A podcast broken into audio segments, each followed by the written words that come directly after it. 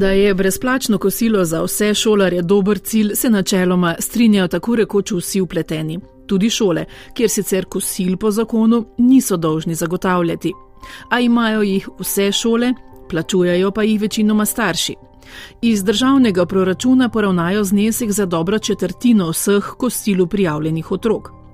Po veljavni zakonodaji so namreč do subvencije upravičeni le otroci, katerih družine dosegajo največ tretji dohodkovni razred oziroma zaslužijo največ 36 odstotkov poprečne plače na družinskega člana.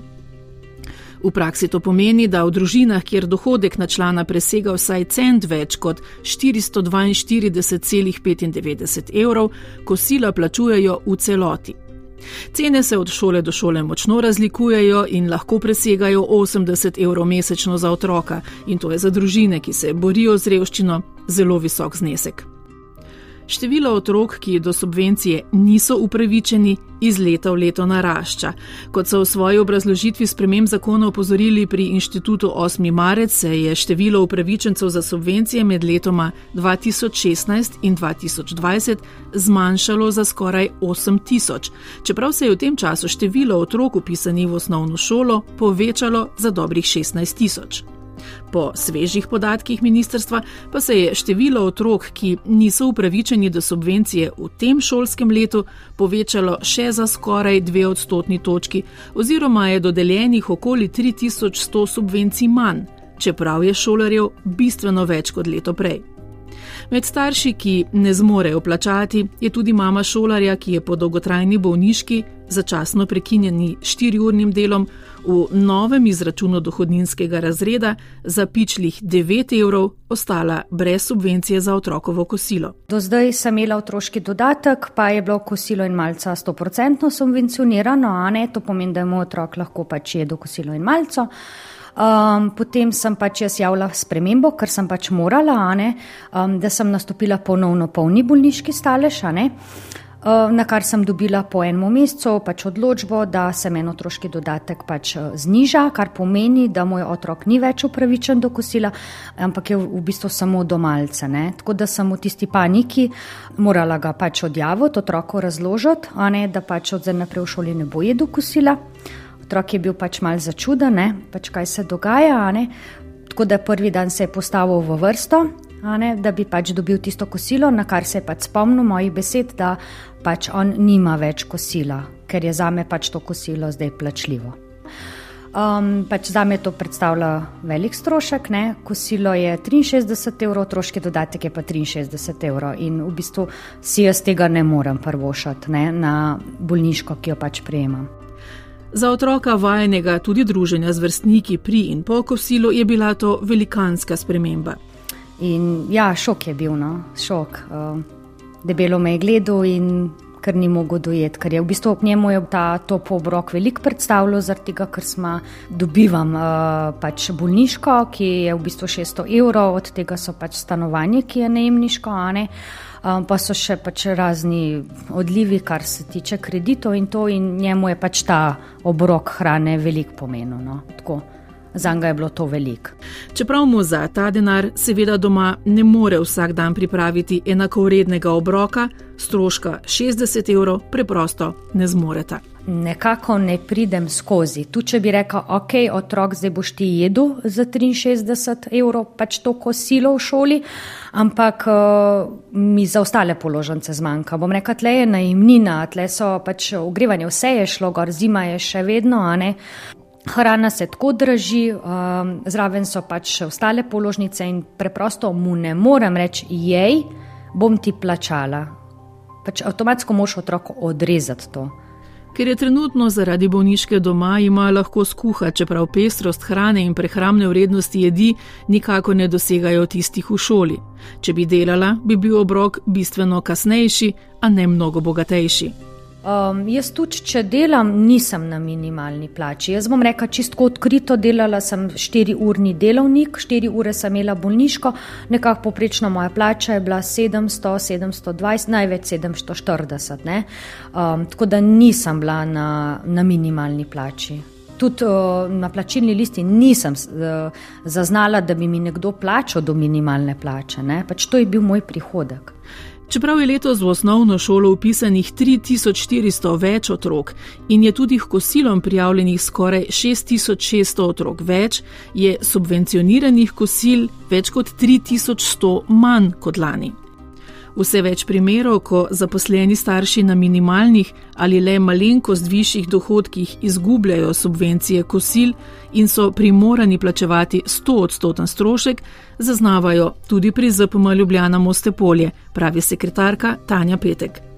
Veste, ti otroci niso samo, eh, ne ostanejo samo brez kosila, a ti otroci gredo potem domov in so odrezani od socialnega življenja, ki se naprej odvija na šoli, se pravi do popovdanskih aktivnosti, ker se ne vračajo več na šolo, kot enkrat odidejo z nje. Nam vsem pa je jasno, da za 70 do 100 evrov na mesec ne zmoremo doma um, organizirati uh, oziroma skuhati kosila. Ne? Zato ti otroci jejo bistveno slabše, kot če bi bili vključeni v šolsko prehrano. Veliko otrok je z dietami, ko gredo domov, ne dobijo take prehrane uh, ustrezne doma. Marsikatera osnovna šola otrokom zagotavlja tudi zelo pester jedilnik in spoznavanje drugačne hrane, kot jih imajo doma. Pokušanje hrane, uh, bontona, jesti s prijatelji v jedilnici, um, druženje še z ostalimi razredi, ne samo s svojimi sošolci, skratka socializacijo na vseh ravneh. In prav to zamudijo otroci iz nespodbudnih družinskih okolij in iz družin, katerih starši ne zmorejo plačati do 100 evrov mesečno za kosilo. Starši, ki k njim prihajajo po pomoč, tudi povedo, da jih same šole in pa centri za socialno delo pošiljajo po pomoč k humanitarnim organizacijam in k šolskim skladom, kar je lahko zasilna rešitev, ki pa nikakor ne doseže vseh otrok. Prav tako nimajo vse šole skladov in tudi vsi skladi, ki se mimo grede polnijo z denarjem staršev in drugih donatorjev, niti niso namenjeni subvencioniranju prehrane. Zato v času druge parlamentarne obravnave sprememb zakonodaje, ki bi omogočila brezplačna kosila za vse, predlagajo. Na Zvezi prijateljev mladine um, Ljubljana Moste Polje zato predlagamo, da bi se še pred uvedbo brezplačnega kosila za vse učence zdelo nujno, da se brezplačno kosilo uvede za otroke družin uvrščene v četrti in peti dohodkovni razred, za više razrede pa se uredi subvencijo. Taka subvencija je že obstajala med letoma 2015 in 2017. Takrat je bilo do 40 ali do 70 odstotne subvencije upravičenih skupno dobrih 27.500 otrok in to ob številčno bistveno manjših generacijah. Za našo sogovornico bi vsaj taka rešitev pomenila ogromno.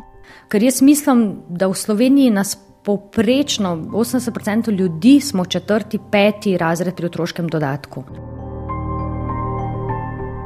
Brezplačna kosila, ki bodo kmalo znova v parlamentarni obravnavi, so točka spora tudi zaradi zavržene hrane. Ta je zagotovo problem, a ne le v šolah. Po dostopnih podatkih ni mogoče najti niti približne ocene, ali več hrane zavržajo otroci, ki jim starši plačajo kosilo, ali tisti, ki jim ga krije državni proračun. Kljub temu je o zavrženi hrani kot argumentu slišati celo iz vrst šolnikov, ki s tem na nek način soglašajo, najrevnejši ne dobijo brezplačne prehrane zato, ker jo tisti bolj privilegirani puščajo. Ob zavrženi hrani je tako rekoč zavržno tudi pričakovanje celo odločevalcev, da naj za nekaj tako esencialnega, kot je topel obrok za odraščajočega otroka, na mesto sistema poskrbi kakšen humanitaren program, kot je botrstvo, ki mora prav vsa sredstva, tudi za svoje delovanje, dobiti od donatorjev na razpisih ali na trgu. V šolskem sistemu, ki je v marsičem na zavidljivi evropski in svetovni ravni, je tudi nedopustno, da otroci ne bi jedli zgolj zato, ker ni infrastrukture, ki bi to omogočala. Na to je pred časom javno upozoril izredni profesor za didaktiko in kurikularne teorije na oddelku za pedagogiko in andragogiko Ljubljanske filozofske fakultete, dr. Damjan Štefanc, ko je zapisal: citiram, Očitno smo v tej državi vnaprej sistemsko dimenzionirali oskrbo s prehrano na podlagi predpostavke, da vsaj del otrok, ki si plačila kosila ne more privoščiti, v šoli ne bo jedel. Si res želimo, da institucija kot je šola svojim lastnim delovanjem otrokom sporoča, da je lakota tistih, ki si hrane ne morejo privoščiti nekaj, kar je samoumevno ugrajeno v delovanje sistema? Konec citata. In za konec, po vrsti let nenehnega stika z revnimi otroki, družinami in sistemom, ki razslojevanje poglablja, odločevalce in šolski sistem, ki je pripravljen preostalih 15 odstotkov otrok še leta dolgo pustiti brez kosila, sprašujemo. In če bi vsem staršem uspelo plačati kosilo, kdo bi bil tisti, ki zaradi premajhnih kapacitet kosila ne bi jedel?